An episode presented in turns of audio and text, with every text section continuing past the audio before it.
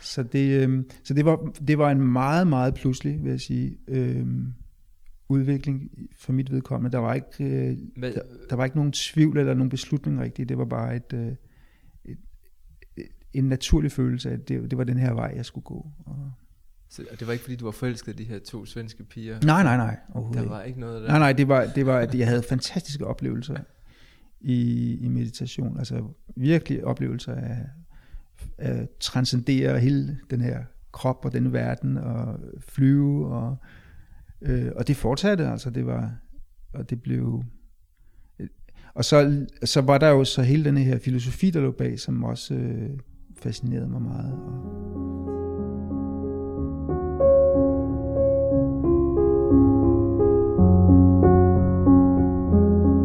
Mit navn er Søs Sand.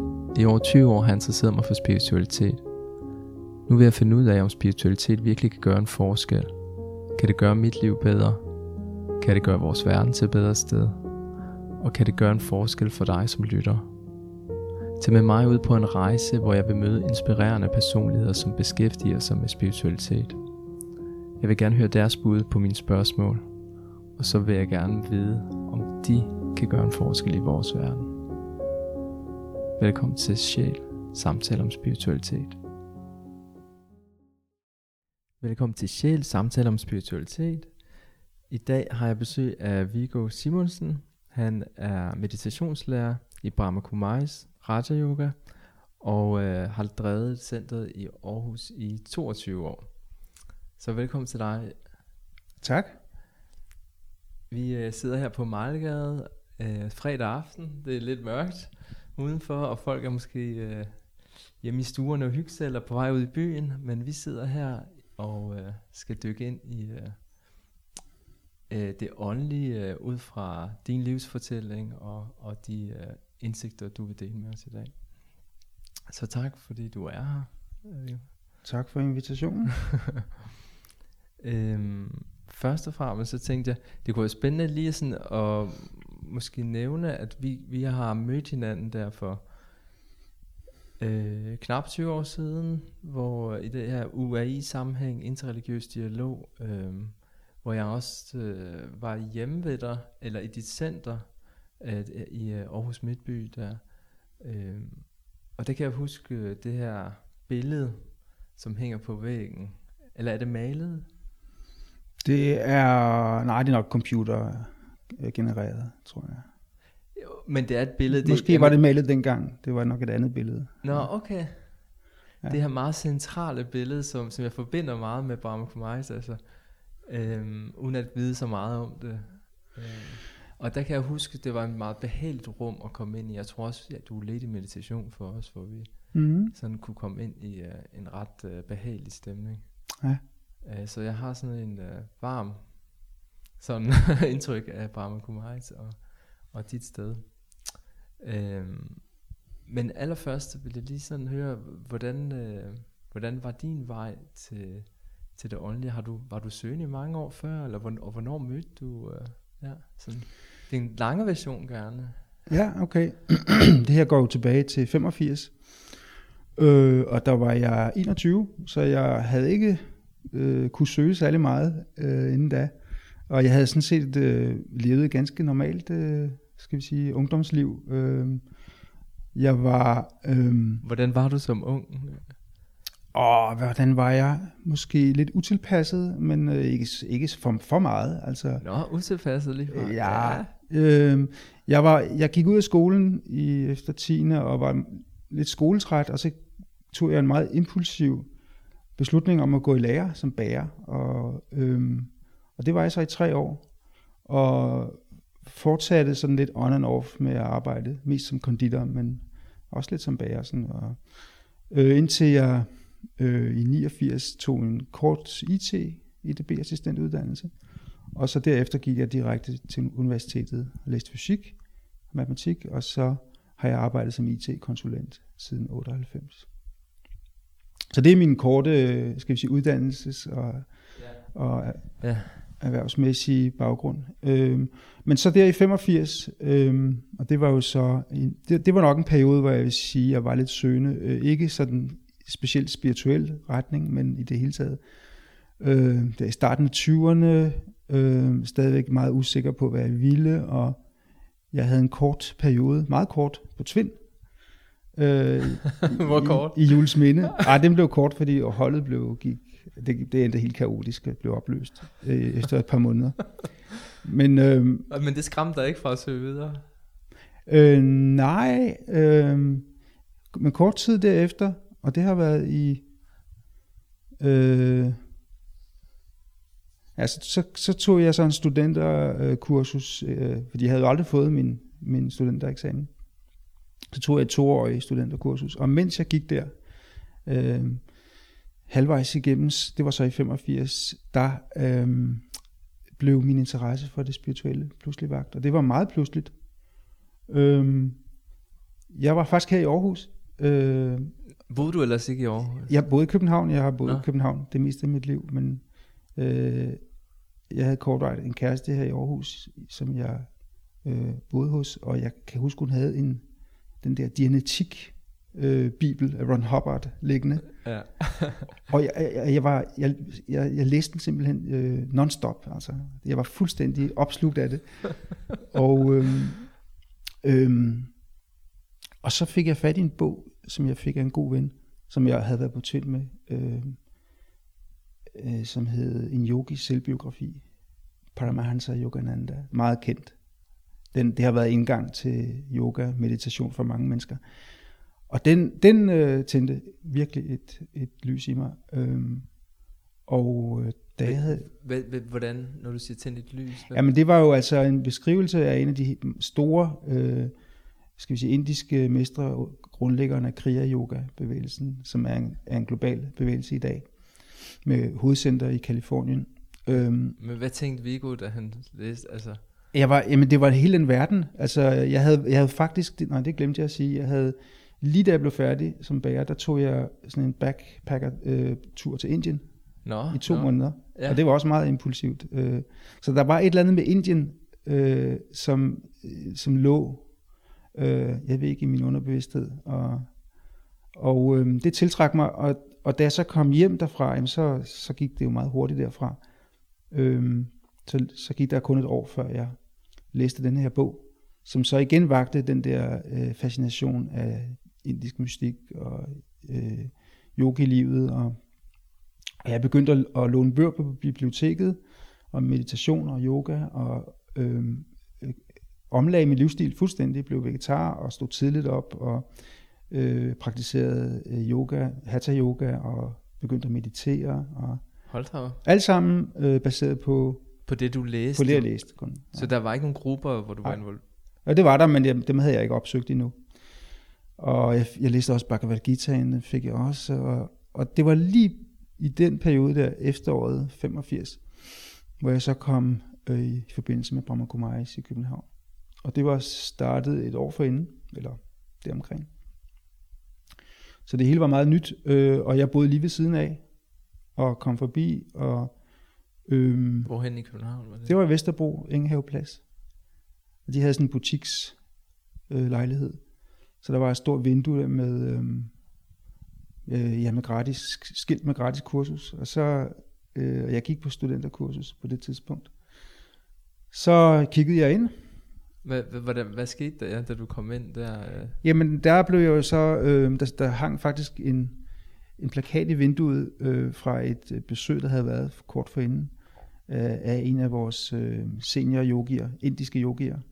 Så jeg troede, hun boede derinde øh, og ringede jo på, og så var det jo øh, bare sådan en ung, bleg, svensk øh, pige, der åbnede.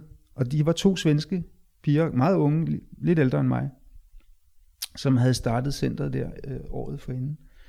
Og det hele var meget, meget enkelt og primitivt. Altså, der midt 80'erne, der var det jo sådan stadig lidt udløber af 70'er øh, pionerånden der. Og, ja, ja. Det, der var, harmony, ja. ja, der var lidt af stadigvæk tilbage af den ja, slags. Og det, ja. det var jo det var sådan meget, meget, øh, meget autentisk og meget sådan øh, græsrodsagtigt. Ikke? Mm, og, mm. og en ganske lille, øh, ganske lille center.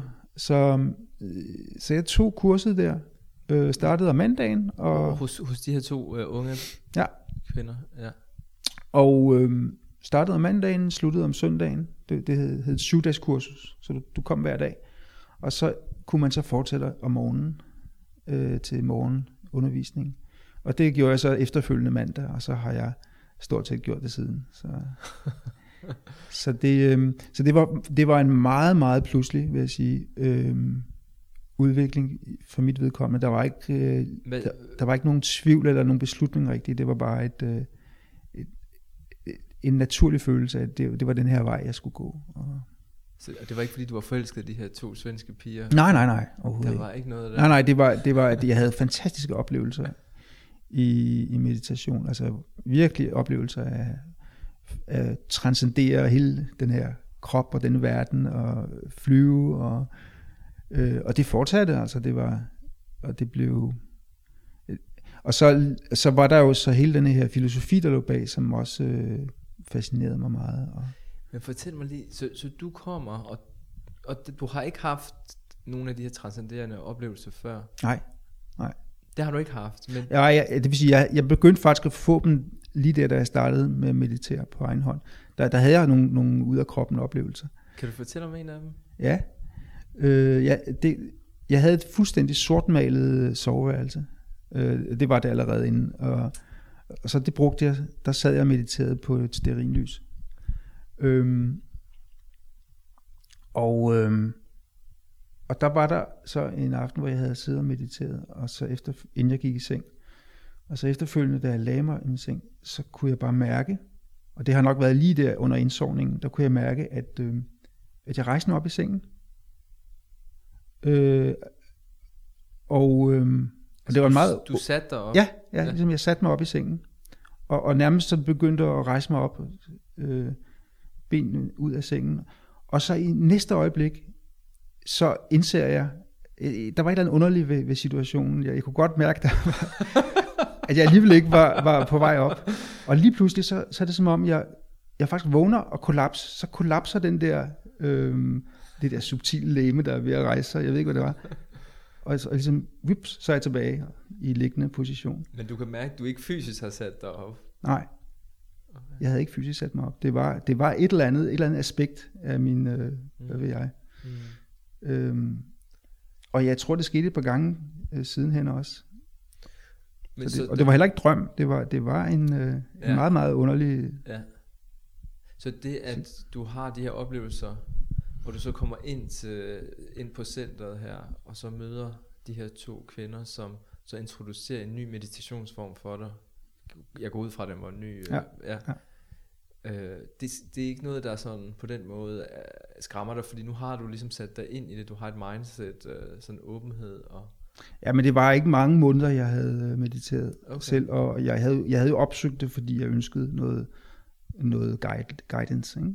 Ja. Så, så det var jo... Øh, men det var en ny måde for Brahma Kumaris øh, metode, Raja Yoga, øh, den form for Raja Yoga, vi praktiserer, den foregår med åbne øjne. Mm. Det er ikke normalt. De fleste meditationsformer er, er med lukkede øjne, men, men vi mediterer med åbne øjne. Så det var nyt. Og det skal man lige vende sig til. Det tager lidt tid. Okay. Øhm, hvad skete der så, så du havde haft en uge der som sådan en prøve, og så fortsatte du, og, og så begyndte de her transcenderende oplevelser. Startede de første dag, eller var det efter en uge? Eller Nej, men de, de, altså de begyndte allerede så småt, inden øh, ja. jeg kom der, og ja. så, så fortsatte det bare. Altså, og så blev det mere og mere intenst. Altså, øhm, Hvordan? Kan du... Jamen, så blev det øh, vi mediterede der øh, med noget, som vi kalder drishti, som betyder øh, øjenkontakt. Ikke? Så når vi mediterer, og det gør vi altså generelt i Brahma Kumaris, når vi mediterer øh, sådan flere samlet, så er der en, der sidder og guider meditationen, øh, og, ja. og kigger ligesom de andre ind i øjnene. Og okay. det, er også, det er en af grundene til, at vi mediterer med åbne øjne, ja, okay. for at kunne gøre det. Ikke? Ja. Og det skaber en, en helt speciel øh, synergi, altså en, en, mm. en særlig kraftfelt. Mm. Og, øh, og det, øh, øh, altså det, det, det havde jo det havde de så gjort i forhold til mig, og det, det, var, det var meget kraftfuldt, og det... Øh, Hvad sker der? Jamen, der sker bare... Øh, ja, hvad skal man, hvordan skal man beskrive det? Altså, selve transcendensen øh, består jo i, at du, øh, du mærker, at al din energi, al din mentale energi, og al din, øh, altså, energien i din krop og nervesystem osv., trækker sig sammen og, og samler sig heroppe i det tredje øje. Fordi det er her, vi fokuserer, ikke? Oppe i pandeområdet. I pandechakra, ja. ja. Og, og så bliver der ligesom nærmest sådan varmt, og, og så bliver det meget, meget fredfyldt. Altså du oplever øh, næsten som en bedøvelse. Og du kan mærke det i panden, du kan mærke det i brystet, hjertet, øh, og i, i dine hænder og fødder. Og, altså hele kroppen bliver ligesom bedøvet. Øhm, og så, men det er jo så bare det første skridt i meditationen, det vi kalder sjælsbevidsthed. Og næste skridt, som man lærer, det er at kunne øh, etablere denne her forbindelse til en højere kilde, transcendent kilde, Gud kan vi kalde det, som er uden for denne her verden. Øhm, så det er sådan en slags øhm, øhm, okay, men lad os komme tilbage resonans. til det. Ja, lad os komme tilbage. Jeg vil meget gerne ja. høre mere om det. Men, men så, så da du har hvad sker der så efter, du siger, så, så blev du ved, men, øh, men der var du i København, og flyttede du ind i centret så kort tid efter? Eller øh, ja, det kan man godt sige, fordi centret øh, flytter øh, til en anden adresse, og så flytter jeg ind på det gamle center, sammen med en anden, der var kommet et år, eller et halvt år før mig. Øh, så vi bor der, øh, men centret er så flyttet til Frederiksberg, ikke så langt derfra. Og, øh, og vi er meget få, altså der er de der to svenske piger, og så er der også to, øh, og så et par stykker mere måske. Øh, men, det, men det er stort set fire, vi er stort set fire, der driver, øh, underviser, øh, kører har du, har du været nede, altså jeg går ud fra, som jeg har forstået det, at der er nogle ledende skikkelser, som er inspirerende at møde. Så der har du slet ikke været nede i at møde nogen af Nej, dem. nej, nej, nej. Det er først, øh, øh, altså vores hovedcenter i Indien, i Rajasthan, øh, som jo er enormt i forhold til, til de, det her lille center i København. Øh, der kan man for det første kun komme ned efter et års tid, efter man ligesom har været i Brahma Kumaris mindst et år. Og, øh, og det vil sige, øh, øh, jeg har sådan set, øh, kan man sige, taget den beslutning om, at, øh, at det her er noget, jeg vil blive ved med, øh, da jeg er dernede første gang. Det er jeg, der, det er jeg nok først i 86. Kan du fortælle lidt om den tur, den første tur? Jamen det var så min, min andet besøg i Indien, for jeg havde jo været der selv inden i 83. Øh, så i, da jeg tager ned, det gør jeg så med, med en af de her svenske piger. Og, jeg skal lige høre, har du været i Rajasthan også første gang? Ja, det har jeg. Nå? Øh, jeg var i Jaipur.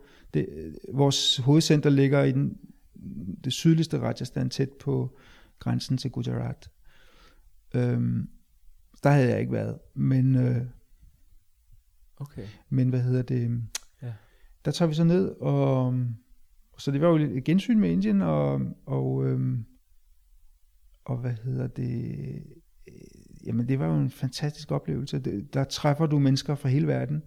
Øh, også øh, naboer, svenskere og nordmænd og tyskere. Og, øh, men det er virkelig på det tidspunkt allerede en global bevægelse, fordi der sker en, en, en stor ekspansion der i 80'erne. Okay, så der er flere hundrede mennesker til stede? Ja, måske, altså hvad har der været? Der har måske ikke været, der var der, har der måske ikke været mere end 300-400 fra, mm. men alle sammen fra, fra udlandet, ikke? Mm. Så er der en stor gruppe inder, der bor der fast, mm. og holder stedet kørende, laver mad og så videre. Men, øh, men vi har sådan nogle særlige perioder, hvor øh, øh, vi tror, vi er der 14 dage cirka, mm. Mm. hvor det kun er udlænding. Okay. Og, øh, og det er jo sådan en god blanding af meditation og undervisning. Og, Oplever du nogle af nogle altså interessante mestre eller lærere inden for Brahma Kumaris? Ja, altså vi har jo, øh, øh, bevægelsen er jo startet i 30'erne i Indien, øh, og øh, bestod jo i starten stort set kun af unge kvinder. Altså der var meget få mænd. Øh, og, det, det er og, det, og det er derfor, det hedder Brahma Kumaris. Det betyder jo Brahmas øh, døtre, kan man sige. Øh, og Brahma, som er navnet på grundlæggeren, han øh, forlod øh, kroppen i 69. Men efter det, så har det så været de der unge piger, som jo ikke var så unge længere, øh, der har drevet Brahma Kumai, så det har altid været øh, ledet af kvinder. Og der er faktisk kun en tilbage af dem nu, Mm. ud af en gruppe på, jeg ved ikke hvor mange det var, 300-400. Der er lige præcis, jeg, jeg tror ikke der er meget mere end en, øh, Tre, hvad sagde du? Tre. 300-400. 100? Nå, Ja, i starten, okay. de startede som, som en gruppe øh, på 300-400 Ja, okay. øh, omkring ham. Ja. Og, og øh, de er jo så faldet fra den ene efter den anden. Har man, en- altså, nu går jeg, springer lidt i det, men, men det er fordi, jeg er lidt nysgerrig på den der tur derned. Ja. Hvad, hvad sker der der? Er der noget sådan, som er særligt skilsættende for dig i forhold til din relation til det åndelige, eller sådan, eller er det, er det en af mange ture, eller Det er en af mange ture, vi, vi tager derned hvert år. Ja, okay. Så det, det, jeg har jo været der i hvert fald 30 gange. Men- øh, men øh, det er... Nej, det sjove er, at på en måde var det jo ikke skilsættende, fordi jeg havde allerede haft de store oplevelser, inden jeg tog derned. Altså, det, det, var ikke øh, noget, der krævede, at jeg tog til Indien. Øh, troen, overbevisningen, øh, øh, den der øh, transcendente erfaring, den var allerede kommet øh, til mig. Selvfølgelig blev den øh, uddybet gennem årene, men det var ikke noget, der egentlig øh, forudsatte, at jeg var i Indien. Det kunne jeg lige så godt få i Danmark. Mm. Så på den måde var det mere en, øh, det var mere bare en udvidelse af, af min horisont, og ligesom, at jeg så det i globalt perspektiv, der, at, at øh, Mm. i stedet for, at, at det kun var de der tre, øh, jeg omgik til dagligt, ikke? så var det lige pludselig hundredvis af Ja, af folk ja. fra hele verden, og Ja. med meget forskellige baggrunde og forudsætninger. Så, Så Det kan jo være livsbekræftende, ikke? Og, og, mm, men, øhm, okay. og det er et meget særligt sted. Der er, den der, du nævnte den atmosfære, Mm. vi har på centret, og den, Mm. du skal tænke dig, at det her er et sted, som, som har, hvor der har været mediteret i, øh, jeg mener, i 50 år eller sådan noget, så det, Ja, der er en særlig energi. ja. Det, Så man kommer bare ind og sætter sig, og så forsvinder man nærmest. Ja. Og på det tidspunkt, der var vi, altså midt, midt 80'erne, der var, som sagt, øh, øh, bevægelsen var, var rimelig ekspanderet, men der var ikke så forfærdeligt mange rundt omkring, så, så når vi tog der ned, så var vi måske de der 300 ja. øh, på, på samme tid, men øh, i, altså i dag er det mange, mange flere. Det Så- lyder jo som om, det er en ret flad struktur, der er i organisationen. At, at du ikke sådan på den måde har en, du ser op til. Altså det er den, din egen kontakt til, Ja, på til den din måde er egen det. Sjæl. Det er den, der sådan set er i centrum, når du beskriver her for mig din... Men det er fordi, er vi det har... rigtigt? Det, jamen det er rigtigt. Det er fordi, det er ikke noget guru-system. Nej, Så i modsætning til, til den, det traditionelle, det var bare min umiddelbare, du Ja. ved, ja. men det er helt rigtigt, øh, i, tra- i modsætning til det traditionelle indiske guru-system, så, så har vi ikke en, en, en guru.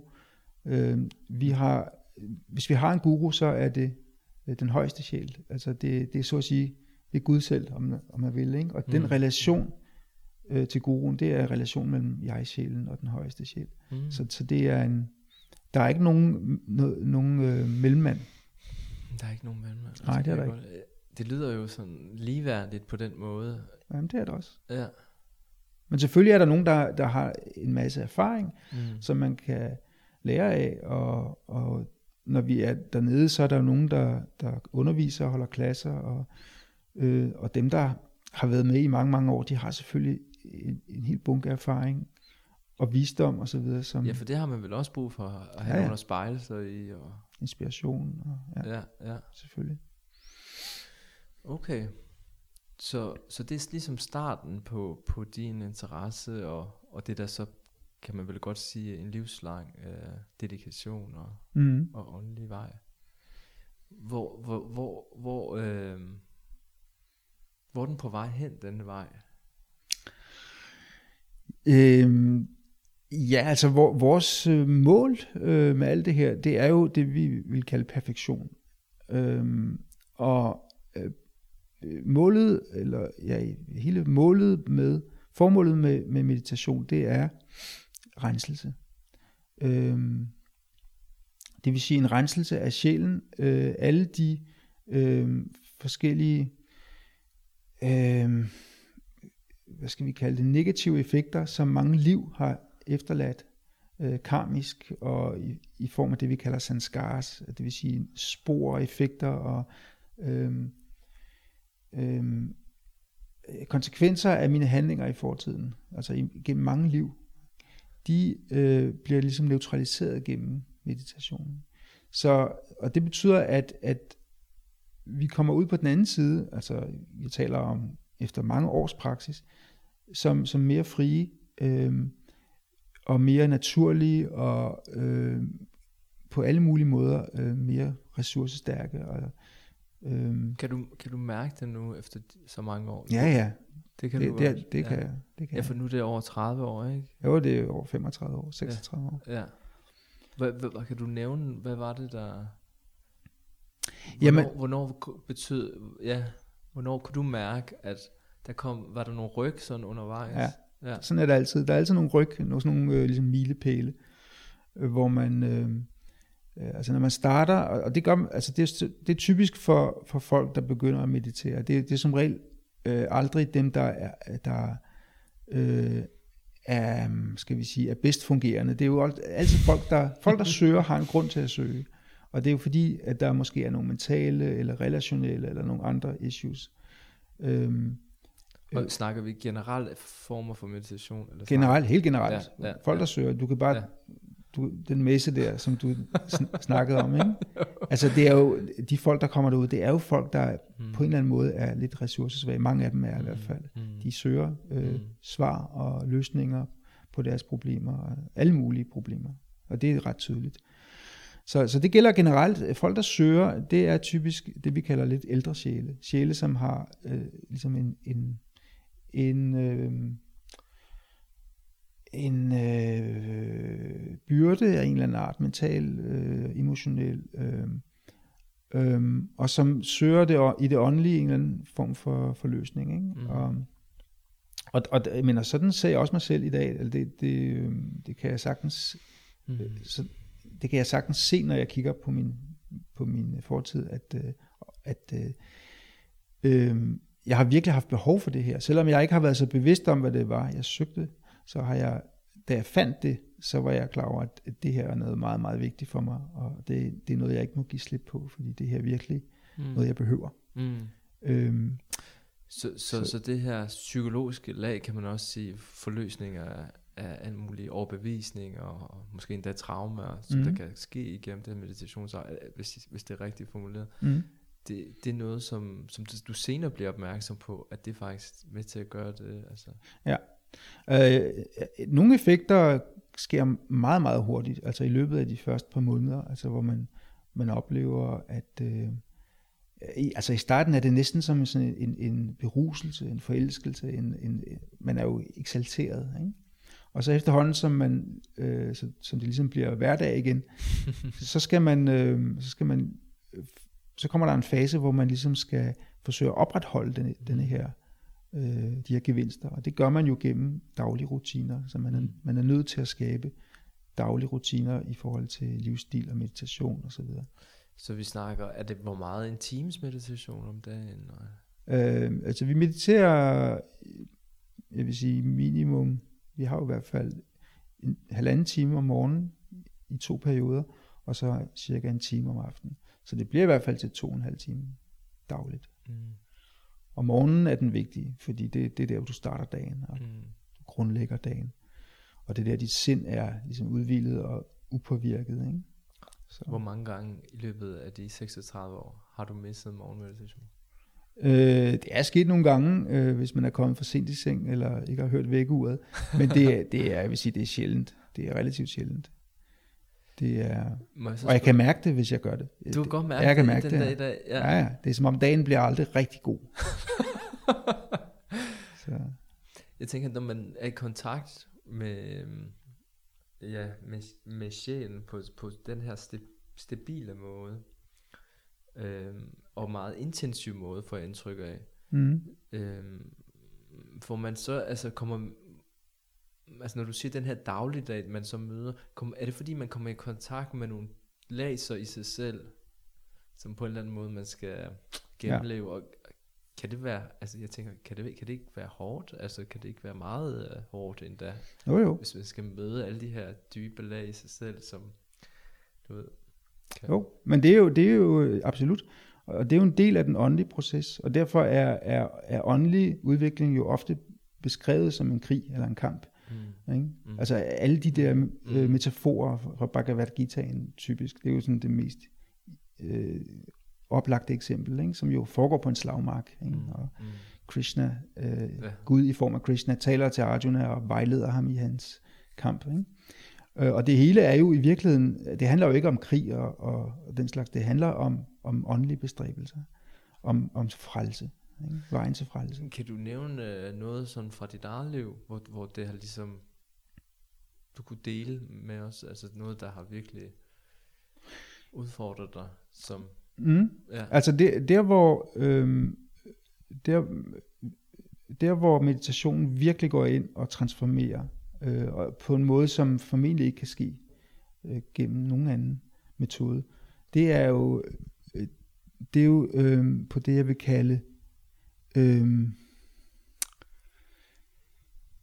mangel- eller underskudssyndromerne. Øh, altså vi har øh, gamle, gamle sjæle, som har været igennem meget øh, og mange liv osv., de er blevet drænet for, for deres spirituelle øh, kraft. Og, og spirituel kraft, det er jo sådan noget som fred.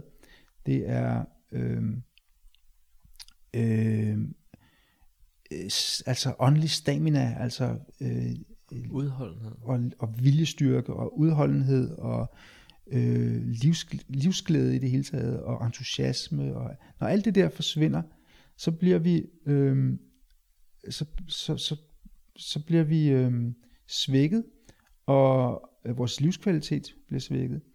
Og alt det vender tilbage i løbet af relativt kort tid, når vi begynder at meditere. Fordi det, det er virkelig som, som et lys, der bliver tændt, som fordriver det der mørke, den der...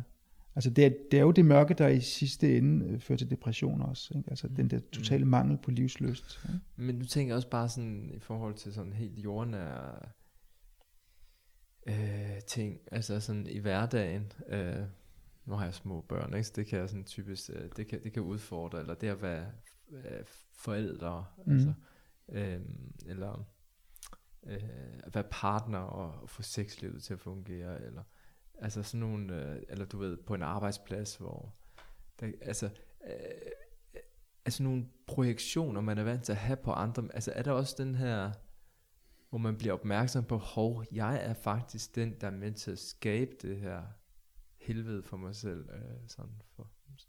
Ja, det, det, okay, også for at besvare de tidligere spørgsmål. Ja, ja. Det, der, det, der sker sådan rygvis i, i hele den der proces, det er jo, at man bliver jo øh, efterhånden, som, som, øh, som man udvikler sig, så bliver, bliver der jo eksponeret nye lag øh, i en, som man ikke var opmærksom på, man havde. Altså forskellige laster, eller forskellige øh, ligesom karakterdefekter. Ikke? Ja.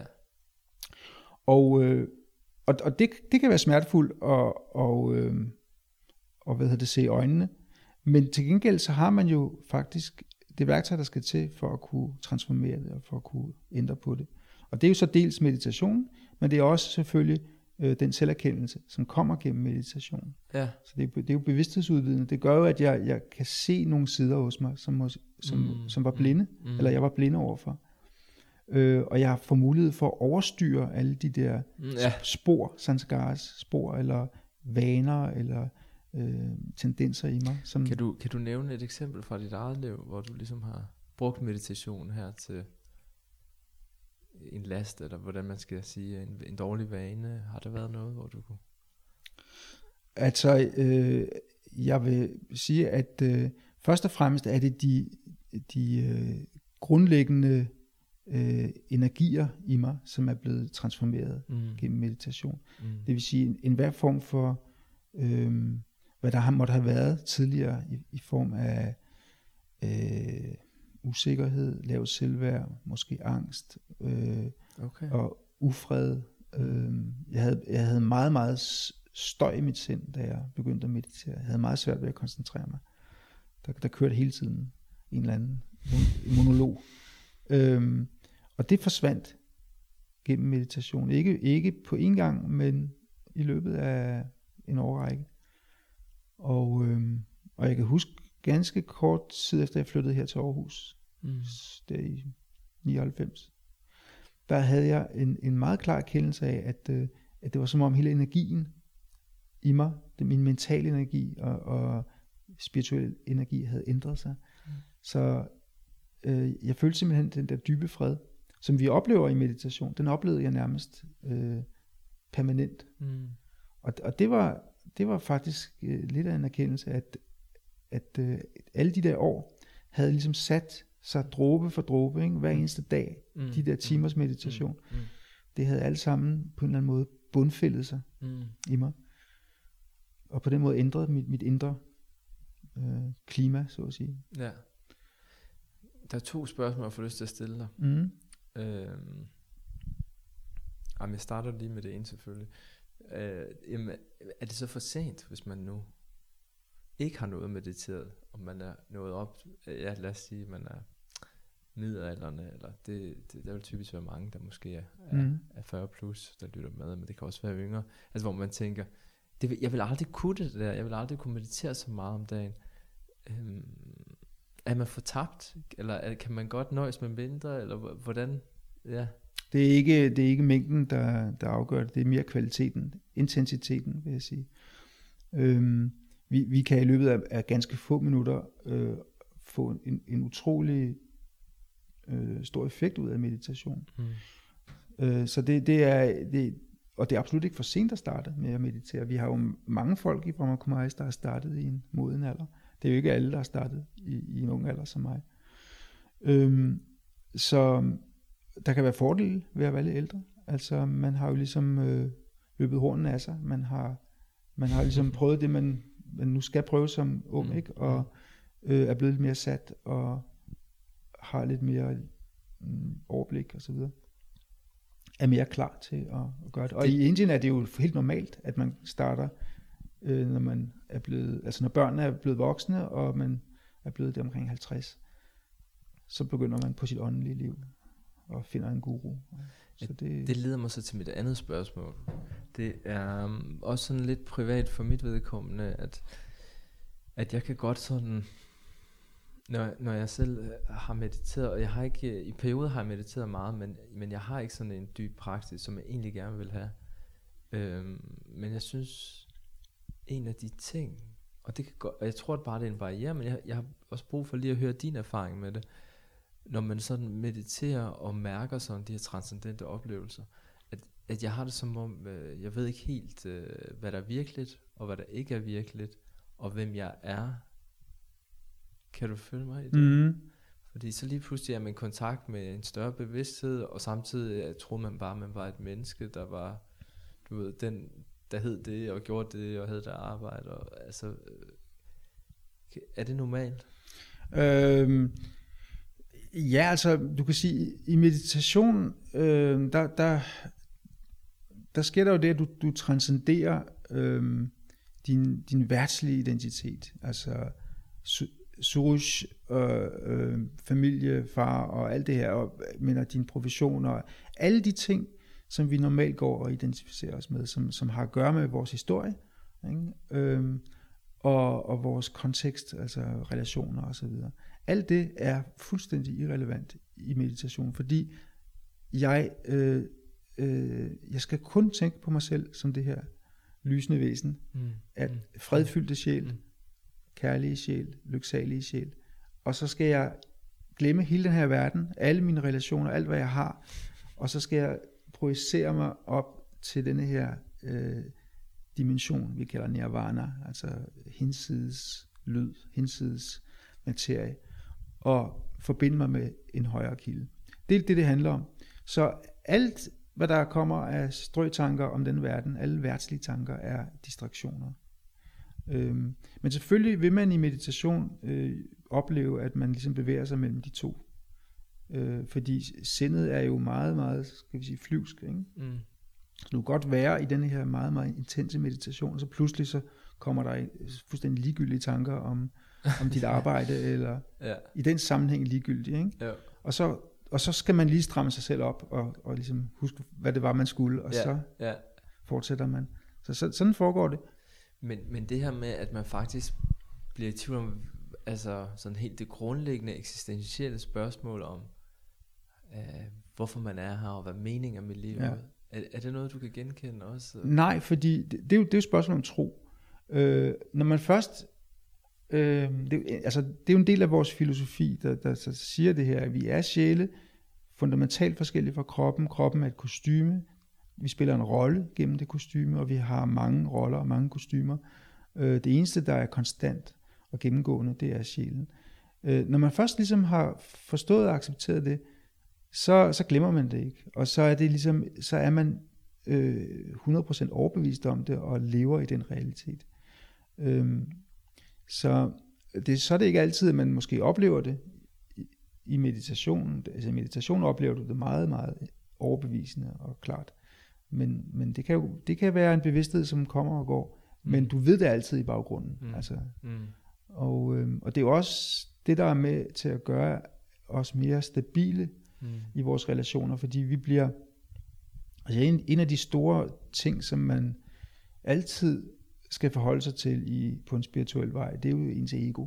Mm. Egoet er, er jo en af de helt, helt store fjender. Øhm, I en spirituel sammenhæng er det en last. Det er faktisk noget, som vi skal overvinde. Det er ikke, det er ikke noget, vi skal acceptere, eller vi skal øh, leve med. Det er faktisk noget, vi skal sætte os ud over. Og egoet er jo knyttet til vores forfængelighed og vores stolthed og, og vores bevidsthed om, om netop alt det værtslige, alt det vi har og har opnået og præsteret. Og sådan Så, så man kan ikke leve et succesfuldt øh, liv sådan helt udadvendt og samtidig. Det kan du godt, men hvis du har bevidstheden, hvis du, hvis du soler dig i din succes, og hvis det, hvis det ligesom er det, som, så, som bærer dig, Mm. så, så kan man sige, så er det ikke forenligt med et spirituelt liv, fordi det betyder, at du så også gør dig sårbar over for, Mm. øh, så er der noget, du kan miste. Mm. Øh, du gør dig afhængig.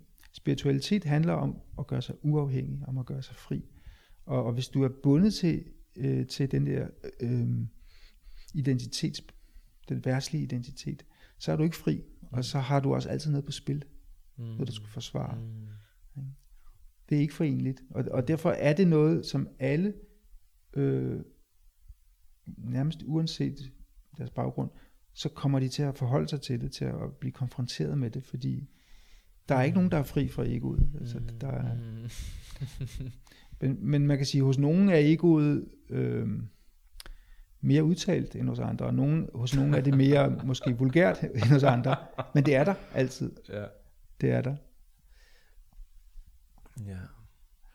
Jeg tænker lidt på det her med, øhm, altså når man nu har den bevidsthed, kan, kan du, altså jeg kan, jeg kan genkende det fra mig selv, hvor jeg sådan begynder at vurdere folk, Øh, der jeg er omgivet af, ikke sådan. Øhm, og, og, og jeg har sådan i årvis haft sådan en identitet om at være spirituel, og så kunne jeg så være rigtig, og dem der ikke var spirituelle var ikke rigtig. Jeg tænker, det er jo naturligvis noget ego-drevet, ikke? Men, men, øh, men er det, kender du den der, at man kan, man kan, man kan være frelst, altså, og, og kom, glemme, at, at man ligesom på en eller anden måde, øh, ja, deler den samme vej som alle andre, at man i virkeligheden mm. ikke er adskilt fra andre, at man bund og grund, ja. Jo, absolut. Det er jo, det er jo en velkendt, øh, som, velkendt fænomen og en, Ja. og en fælde for mange, at, at, øh, at man kan sige, det spirituelle kan også blive identitet, og det kan også blive forfængelighed osv. Øhm, Hvordan har du undgået det i dit eget liv? Det har faktisk ikke, synes jeg, har været noget stort problem, øh, fordi øh, vi har i Brahma Kumaris en, en filosofi, en kosmologi, der, der øh, handler om, at altså, sjæle øh, har, har forskellige øh, baggrund og øh, forskellige øh, længder af historie. Nogle kalder vi gamle sjæle, de har haft mange liv, og, og det er typisk dem, der er søgende, som jeg nævnte før. Og så er der de nye sjæle, som der er rigtig mange af, øh, som øh, måske kun har nogle få liv, som er kommet herned for nylig.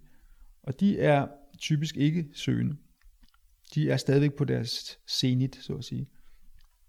Øhm, og dem skal man ikke forvente, at de begynder at søge. Man skal ikke forvente, at de åbner sig øh, for det åndelige. Mm.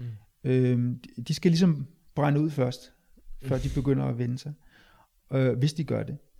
Og, og på grund af den der, øh, kan man sige, forståelse, livsforståelse, så har vi på en måde en meget øh, øh, fordringsløs accept af alle mennesker og deres øh, udgangspunkt. Deres, altså vi, vi ved, at spiritualitet vil, vil altid mm. være noget, der tiltaler et, et lille øh, mindretal. Mm. Det vil ikke være ligesom hovedvejen for, for menneskeheden. Det, de fleste mennesker kærer sig om, om deres, øh, deres værtslige problemer og karriere og familie osv. Der, så er der nogle få, som ønsker noget andet og noget højere.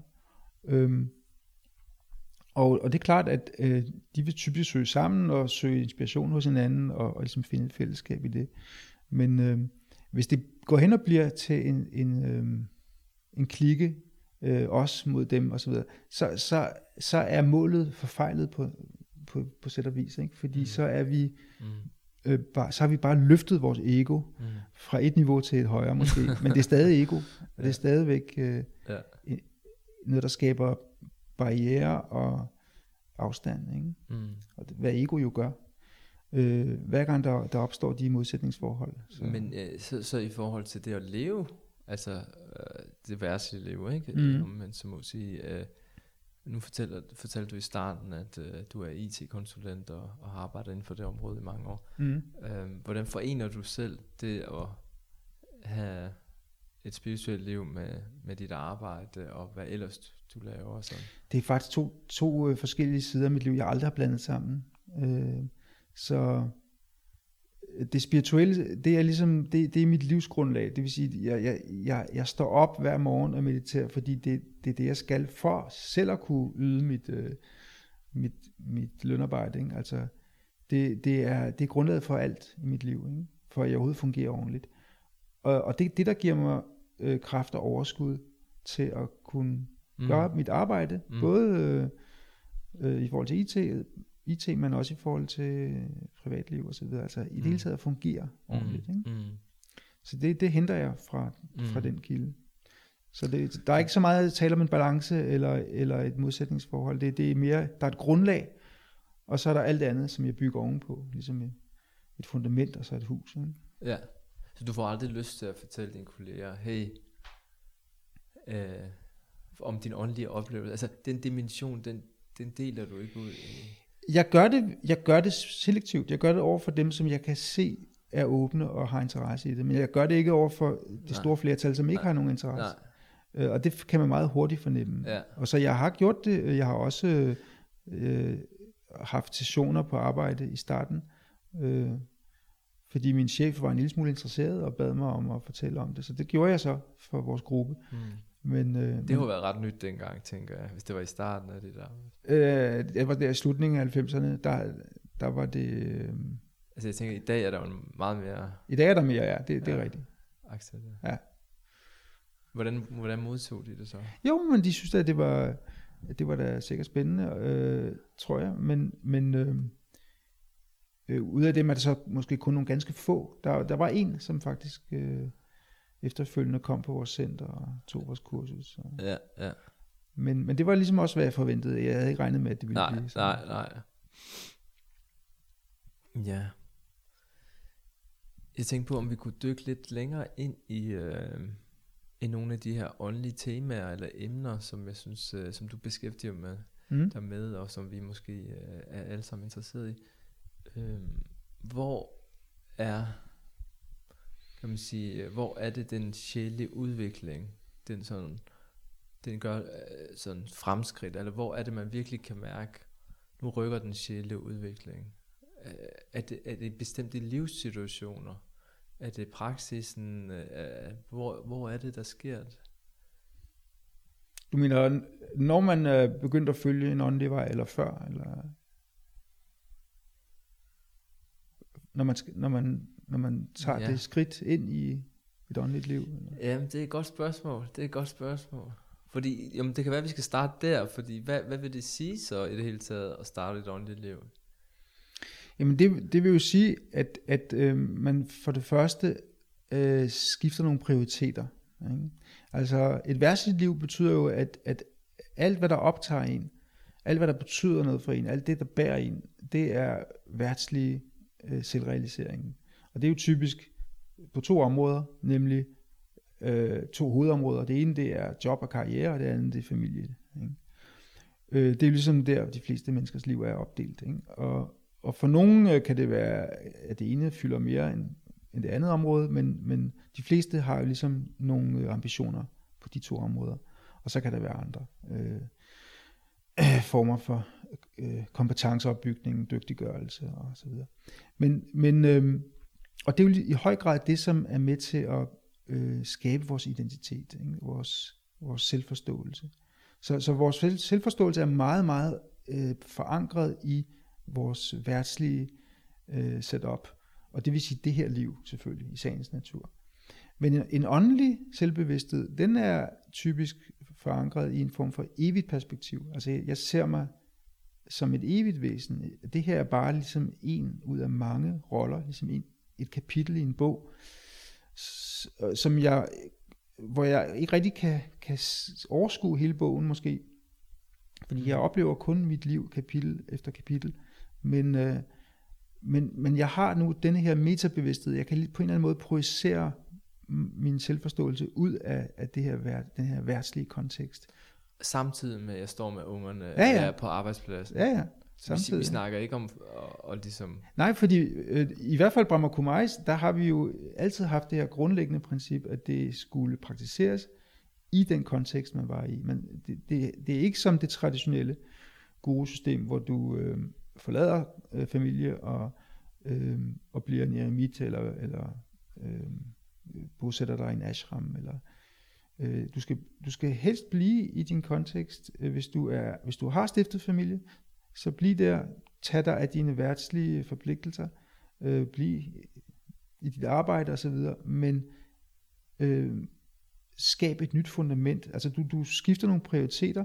Det, der kommer til at betyde noget, er primært øh, dit åndelige velbefindende, fordi din åndelige udvikling har betydning ikke kun for dit liv nu, men også for alle dine fremtidige liv. Så derfor er det en meget, meget vigtigere investering mm. på sæt og vis. Mm.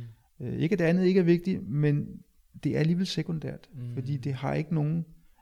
Alt hvad du opnår værtsligt, det har, det har kun betydning for det her liv. Men hvordan, hvordan ser man så, eller hvordan ser du på, på de begivenheder, der så indtræffer, som, som udfordrer en, ens liv? Er de, er de også styret af det åndelige?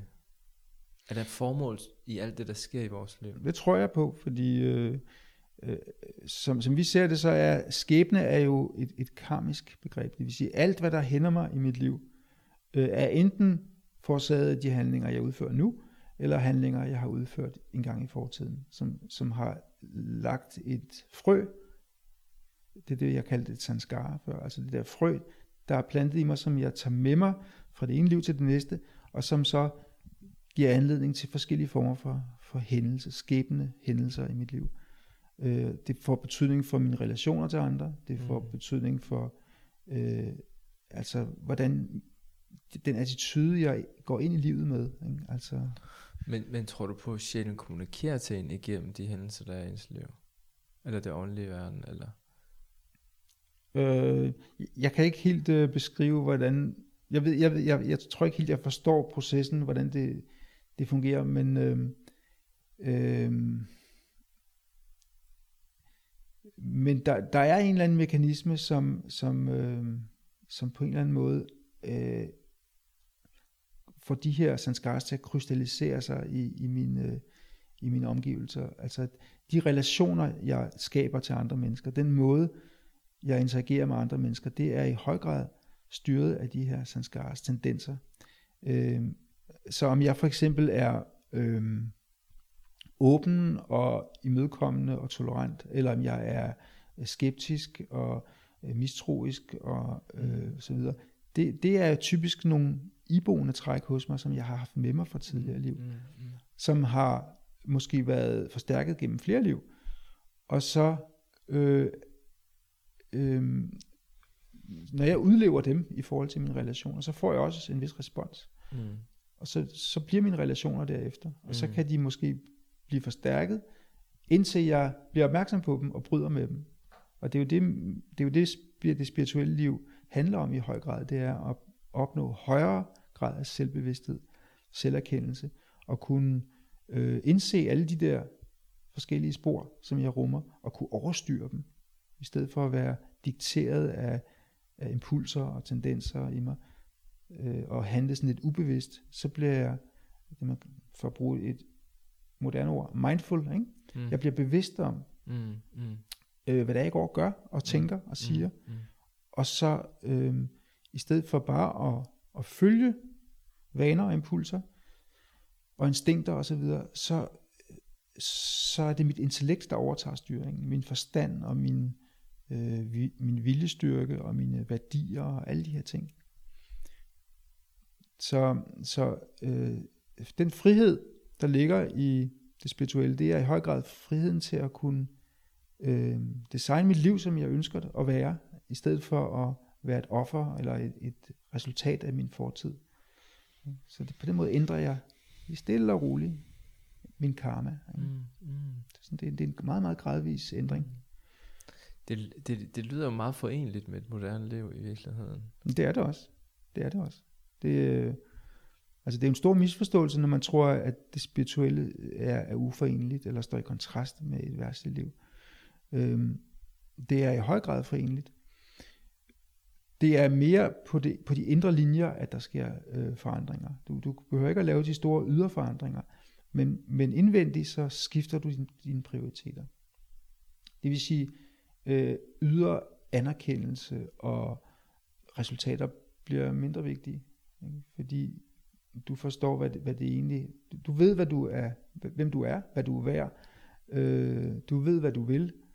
Dine, dine prioriteter bliver meget, meget klare. øh, og, og det bliver også meget, meget nemt for dig at, at træffe valg efterhånden. Altså, du ser meget klart, hvad der er, ligesom, hvad, hvad er godt og hvad er skidt. Hvad skal man ligesom, øh, hvad skal man fremme, hvad skal man hæmme. Kan, kan du give et eksempel fra dit eget liv, hvor du har stået i en situation, hvor, hvor, hvor du har været i tvivl, eller hvor du ikke vidste, hvad du skulle gøre, og der, der har den, din klarhed ligesom hjulpet dig til at eller at det kan jo være små ting. Ja, men det er jo, sådan, det er jo kommet over tid, så, så man kan sige, hvis jeg kigger tilbage på mit liv, øh, nu er det jo svært at huske så mange år tilbage, men jeg er sikker på, jeg kan huske, at der var meget forvirring, da jeg var ung. Øh, masser af spørgsmål, og, og jeg kan huske bestemt meget, meget tydeligt, at jeg, jeg øh, øh, var nok lidt for eftergivende i mange situationer, hvor jeg burde have sagt fra over for nogle ting. For, for eksempel i min læretid. Øh, som, som konditor? Som, bag, som bager, som ja. Bager, ja. Øhm, hvor jeg, altså jeg var jo meget ung, når man er ung teenager, så, så, så har man sjældent det, den erfaring mm. og det, øhm, den, skal vi sige, selvtillid til at kunne øh, mm. øh, sige fra ofte, så man, man bliver måske meget ofte udnyttet lidt. Mm. Øhm, det, det er jo noget, der kommer med alderen. Men det er også noget, der kommer gennem spirituel udvikling. Mm. Fordi spirituel udvikling, kan man sige, accentuerer jo bare den, den generelle modning af os. Ikke? Altså vi, vi bliver jo øhm, i vores sådan personlighedsudvikling, der bliver vi jo, kan man sige, fuldt udviklet, modnet der i starten af 20'erne, men, men alligevel ikke helt, fordi jeg, jeg plejer ofte at sige, at man skal næsten blive 30, før man er helt voksen. Men, men, men selve processen af at øh, modnes som menneske, stopper i en vis forstand aldrig. Og hos, hos nogen stopper den meget tidligt og, og går i stå. Men, men, men, den, men den kan fortsætte hele livet igennem. Og, og efter 20-årsalderen, så fortsætter den typisk i mm. form af åndelig udvikling. Altså det er der, du, mm. kan, du kan tage nogle store spring frem. Men det kræver altså noget, øh, en, en form for højere bevidsthed. At mm. man, øh, så lad os snakke om den her højere bevidsthed øh, fra, fra dit synspunkt. Er den, øh, altså, er det, er, det en, er den individuel, eller er, den, er det det samme, vi alle sammen oplever, når vi tran- går i, oplever de her højere bevidsthedstilstande? Øh, ja, det er et godt spørgsmål. Altså, jeg tror, der er en, en form for fælles erfaring, som, som alle, der, der oplever de her tilstande, jeg har omtalt, øh, har. Altså oplevelsen af fred, oplevelsen af kærlighed, tror jeg er universel. Øh, det, det, er en, det er en erfaring, som vi alle sammen har, og som nok ikke adskiller sig øh, grundlæggende øh, mellem os, som, som, som ren oplevelse, ren transcendent oplevelse. Så du skal ligesom forestille dig, at, at i meditation, der oplever du fred og kærlighed i dens reneste og øh, mest transcendente form. Og det betyder, at der er ikke nogen der er ikke nogen fysiske rammer eller kontekst. Altså det, er ikke en kærlighed til et andet menneske for eksempel. Der er ikke nogen fysiske former, du forholder dig til. Øh, det er ikke en, en betinget fred, der kommer af, at du for eksempel sidder ude i en skov eller ved vandet, eller hører noget smuk musik. Eller, det, er, det er noget, som er fuldstændig hinsides sanserne. Og derfor er det en meget ren form. Øhm, er det ikke skræmmende at ryge ind i så dyb en tilstand? Jeg tænker bare, jeg, jeg ville være bange for at miste mig selv. Hvis jo, men det er, i starten er det jo, øh, for mange der oplever den transcendens i starten for første gang, der kan det være næsten som, som øh, og, altså at tæppet bliver reddet væk under en. Men det er kun indtil man vender sig til det, og så, så, så, mist, så lærer man hurtigt at styre det. Altså du, du mærker, at jamen, øh, du kan altid komme tilbage. Der er ikke nogen... Øh, der er ikke, det er ikke en, en nærdødsoplevelse. Eller, du, du er ikke på vej væk. Altså det, det er noget, du kan styre mentalt. Men det bliver ligesom en, en, øh, en skal vi sige, en, ligesom når man lærer nogle, nogle grundlæggende motoriske ting, altså da vi lærte at cykle, eller svømme, eller gå. Ikke? Vi gjorde også en masse forsøg, og pludselig så lykkedes det. Og når man først kan det, så kan man ikke aflære det igen. Altså det, så bliver det der, ikke? Hvordan i forhold til døden? Øhm, og jeg tænker lige, at vi skal gøre det færdigt. Har vi en individuel sjæl, eller har vi en fælles sjæl? Det er en, det er en individuel sjæl. Vi, har, vi er hver forskellige sjæle. Vi har hver vores forskellige øh, personlighed, og hver vores forskellige historie. Så, så vi er forskellige atomer, kan du sige, åndelige atomer. Men vi er gjort af samme substans, som du vil. Så derfor er der nogle fælles træk ved os. Vi har de samme grundlæggende egenskaber. Vi har en bevidsthed. Vi, vi, øh, vi kan agere gennem en krop. Vi har øh, øh, et intellekt. Vi har et sind, og vi har Hvordan de kan det så være, at hvis vi har forskellige sjæle, at, at altså, det kan godt forvirre mig nogle gange, at jeg har min sjæl, og jeg oplever så de kvaliteter som fred og kærlighed, eller hvad det så end er, at de her dejlige kvaliteter. Det gør du også. Og samtidig så altså, kan vi påvirke hinanden med, med de her stemninger. Mm. Øhm, hvor er adskillelsen? Altså, er der en adskillelse imellem sjæle, får jeg lyst til at spørge om så? Eller er sjæle forenet i bund og grund, eller hvordan? Nej, jeg vil, jeg vil sige, vi er, vi er mere som øh, for, forskellige entiteter, som, som øh, selvfølgelig kan påvirke hinanden. Øh, lidt som en, øh, en, en radiosender og en radiomodtager, ikke? Altså det, eller to stemmegafler, altså det er et resonansfænomen. Ikke? Mm. Det er to forskellige individer eller entiteter, men de vibrationer, som jeg oplever og udsender, de kan opfanges af hinanden. Mm. Dels øh, gennem sanserne, mm.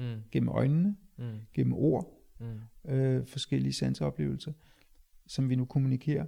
Og så er der selvfølgelig også øh, en, en oversandslig øh, dimension, tror jeg, hvor ja. vi, vi, øh, vi kan påvirke hinanden øh, ja. oversandsligt, telepatisk. Mm, mm. Men, men øh, vi er vi er forskellige individer, og, øh, vi, og også i forhold til Gud, altså det er jo også en del af vores teologi, at, at den højeste sjæl er en sjæl i princippet som os, men, men, men uden menneskelig inkarnation, uden menneskelig skikkelse, og uden for mm. denne, den her verden. Men det er en sjæl forskellig fra os. Så, så for at have den her yoga, så er vi nødt til at fokusere på den sjæl. Øh, hvis jeg oplever, eller opfatter Gud som værende en del af mig, Mm. Så har jeg ikke længere en relation til en anden. Så, så er det en relation til mig selv i, grund, i bund og grund. Okay, så, Og- så og det- der, der, det, der adskiller du sjæl og Gud. Ja. ved at sige, at sjælen, det er faktisk ikke den, der giver dig de åndelige oplevelser, det er Gud, der gør det. Ja, det er, eller det er nok altså begge dele, fordi når, når vi bliver sjælsbevidste, så, så mærker vi allerede i den tilstand fred. Øh, men, men hvis vi så derfra retter vores opmærksomhed mod en højere kilde, mod Gud, øh, så vil vi opleve, at den fred bliver ligesom boostet. Ikke? Og det er, det er lidt som at tune ind. Du ved, hvis jeg, hvis jeg øh, tuner ind på en radiosender, en, en kanal, ikke?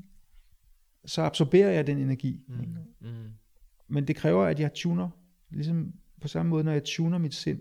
Og hvad mærker du så, altså, hvad, når, du, når du har den her dybe kontakt til Gud? Hvad, Du mærker det, som om det er en relation, at, at der, der er et andet væsen, der øh, hvis energi du kan mærke. mm. Øh, Hvordan mærkes det? Så? Øh, ja, hvordan mærkes det? Øh, det mærkes, jeg tror, at den, den bedste beskrivelse, eller det bedste at sammenligne det med, det er, det er den, den kristne helligånd. Altså, øh, helligånden er ofte beskrevet i det nye testamente, og meget, øh, jeg tror mange mennesker har, er lidt øh, uklare om, hvad helligånden er for en størrelse. Men helligånden er, at det er jo netop dette ikke læmeliggjorte, den her ikke læmeliggjorte kraft, som øh, du kan sige, Gud kan påvirke os med. Øh, det, det er sådan set Guds vibration. Ikke? Guds, og den kan tage forskellige former. Du kan jo, du kan jo have- mange forskellige konkrete oplevelser i yogaen. Nogle gange kan du måske opleve dig selv som en engel, eller du kan opleve Guds øh, nærvær som en engel, eller, eller du kan opleve Gud som en sol, eller, eller du oplever bare den her varme, der kommer igennem dig. Mm. Og det er alle sammen forskellige øh, måder, den her helligånd kan manifestere sig. Mm. Men det er Guds energi, Mm. øh, som er igen også transcendent, så det er ikke en, der, der forudsætter, at den sjæl er foran mig. Altså den sjæl kan være i en helt anden dimension. Ja, det var lige det, jeg fik lyst til at spørge om faktisk, fordi kan du ikke komme til, altså kan du ikke bare springe rammerne, og så ryge op i sjæleverdenen, og så er du lige pludselig, ender du ikke, altså når jeg tænker, Nej, for det vil kræve, at du forlader kroppen. Altså så skal du virkelig, så skal du øh, fuldstændig forlade din fysiske krop, så dør du. Og det, det, det, det er jo ikke noget, øh, man bare gør. Altså, du, kan jo... Øh, Nå, men jeg tænker også bare sådan bevidsthedsmæssigt, du kommer altid tilbage. Du kommer tilbage før, ja, jo, før jo, du jo, ind, jo, men, øh, end ønsker det, fordi ja. ja, det værtslige trækker dig altid tilbage. Det, okay. det er desværre. Men, men så, så lad os, fordi det bringer os måske til det næste, i forhold til døden. mm. Øh, altså, hvad, hvad, hvordan er dit forhold til døden i dag? Det er egentlig ret uproblematisk. Altså, øh, men igen, fordi jeg startede så ung, jeg kan ikke sige, at du ved, når man er 21, så har man som regel ikke nogen øh, Dødsangst. dødsangst, eller gjort sig så mange tanker om døden, øh, så det har nok ikke på den måde ændret sig, men, men øh, altså døden for mig er, er, er sådan set bare et, et skift af kostyme. Det betyder ikke, at jeg nødvendigvis øh, vil være afklaret den dag, jeg lå på mit dødsleje. Det kommer jo meget an på, hvilken tilstand jeg når. Øhm, men altså her og nu øh, er tanken om døden ikke noget, der skræmmer mig overhovedet. Nej. Øhm, Når jeg tænker på... Øh,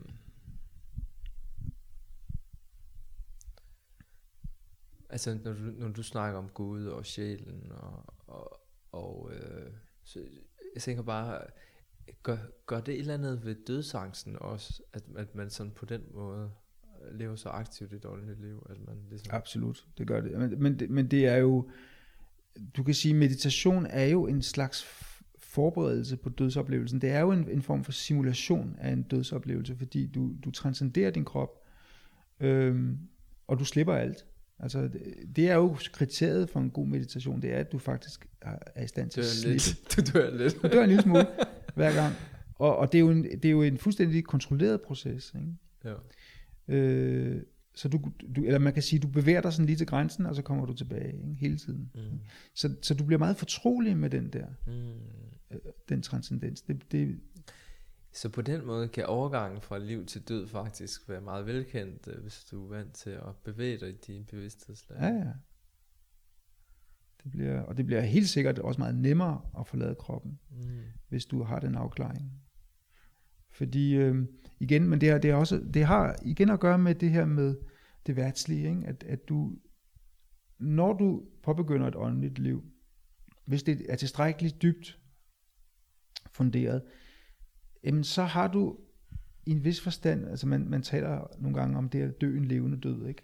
Altså man har på en måde fundamentalt øh, taget afsked med sit gamle jeg, og, og, og alt det, som, som vi ellers hænger fast i, og som ofte kan gøre det svært for folk at gå bort, ikke?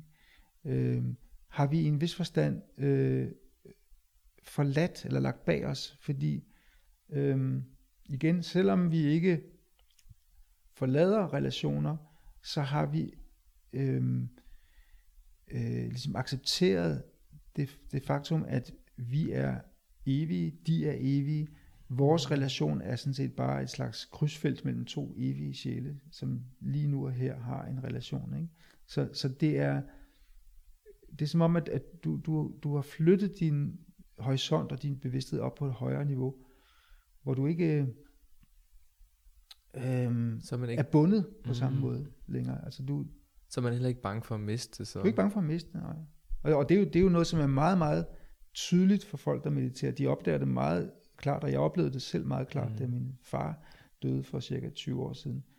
Øhm, at det var, øh, det var helt uproblematisk. Altså, og jeg havde et meget tæt forhold til ham, så det var, det var absolut ikke fordi, at, øh, at han ikke havde betydet noget for mig, men, men øh, der var en fuldstændig afklaring i forhold til, at, at øh, jamen, sjælen er i en vis forstand her stadig. Den er bare, den er bare skiftet krop og, og øh, kontekst. Øh, og det er, jo, det er jo den bevidsthed, som bliver meget, meget naturlig, når man mediterer. Det er, at der er, der er ligesom ikke nogen afslutning på noget. Alt fortsætter i en eller anden anden form. Ikke? så om jeg er her eller et andet sted, om folk mm. er her eller et andet sted, er egentlig lidt underordnet. Øh, du føler aldrig den adskillelse. Du føler altid, at, at folk, selvom de går bort, så er de her i en eller anden forstand øh, stadigvæk, fordi de fordi, fordi du har trænet dit sind til at forbinde dig transcendent med, med andre væsener. Og det, øh, det gør, at, at du for eksempel aldrig oplever savn eller øh, adskillelse, når, når du som yogi. Det, det, det, det er noget af det mest udtalte, øh, at det forsvinder fuldstændig. Altså, om du er alene eller sammen med andre, det, det øh, gør ikke en stor forskel. Du, du er aldrig ensom. Du er altid connected.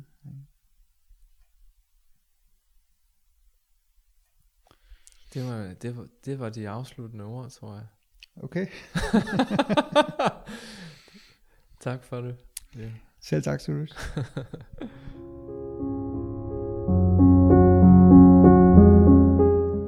Du har lyttet til Sjæl samtale om spiritualitet. Planlagt, produceret og afviklet af Sand. Musik af Jakob Matteo. Du er velkommen til at gå ind på sjæl.dk for at læse om mine møder med mine gæster, min blogindlæg, mine healinger, foredrag, kurser og andet jeg laver. Tak fordi du lytter med.